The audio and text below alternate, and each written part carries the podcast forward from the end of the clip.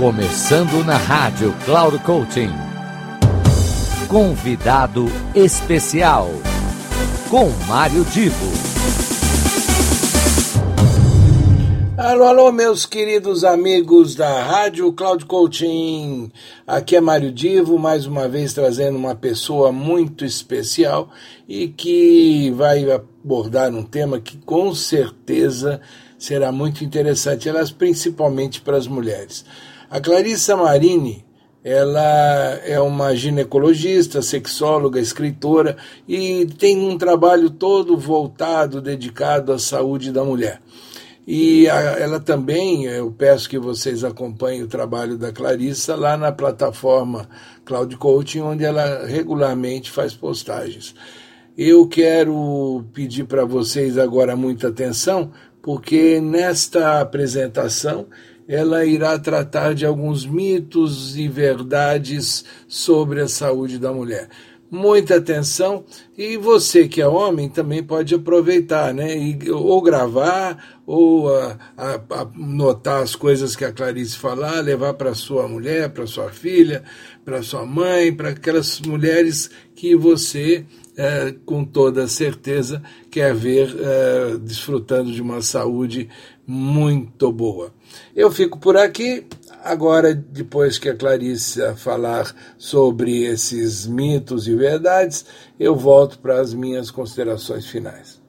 Olá, ouvintes. Olá, Mário Divo. Agradeço o seu convite. Estou muito feliz de estar como convidada especial da Rádio Cloud Coaching para falar sobre mitos e verdades na saúde da mulher. Sou Clarissa Marini, ginecologista, sexóloga e escritora, e estou habituada frequentemente a lidar com tantos questionamentos sobre mitos e verdades.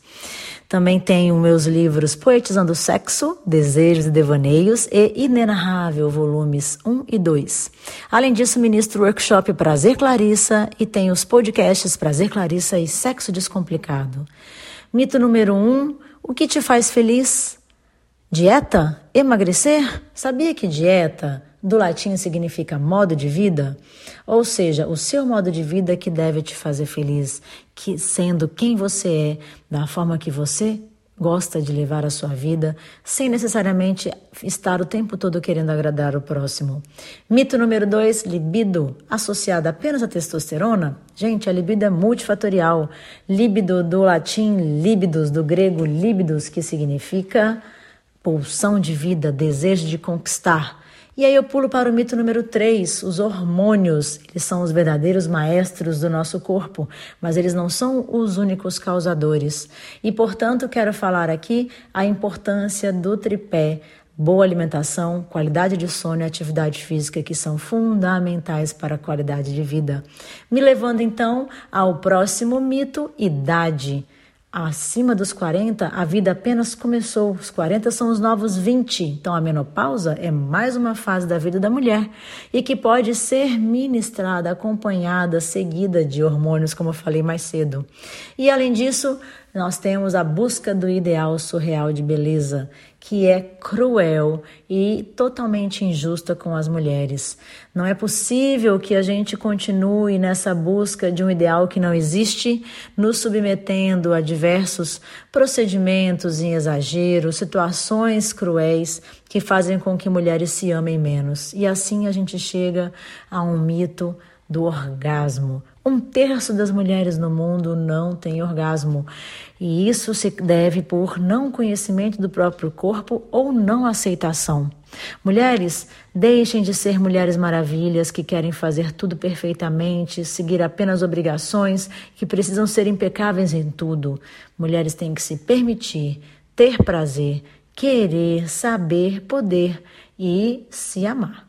O prazer no autocuidado é o verdadeiro poder e o autoconhecimento e o autoamor. Poder e cura.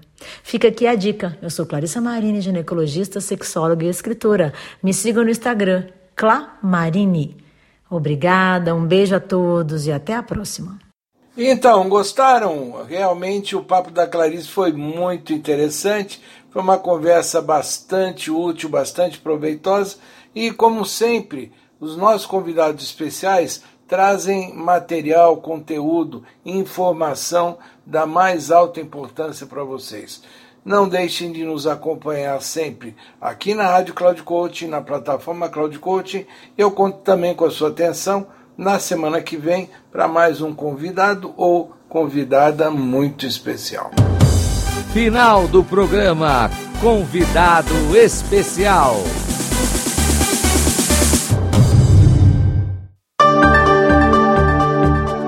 Se ligue! Semanalmente você ouve o programa Convidado Especial, sempre na segunda-feira às 15 horas, com reprise na terça às 5 e meia da tarde e na sexta-feira às 10 horas da manhã. Quem será nosso convidado ou nossa convidada? A surpresa é nossa e a revelação e apresentação de Mário Divo sempre aqui na Rádio Cloud Coaching. Acesse nosso site radio.cloudcoaching.com.br. Confira toda a programação e baixe nosso aplicativo na Google Store. Rádio Cloud Coaching, conduzindo você para o sucesso.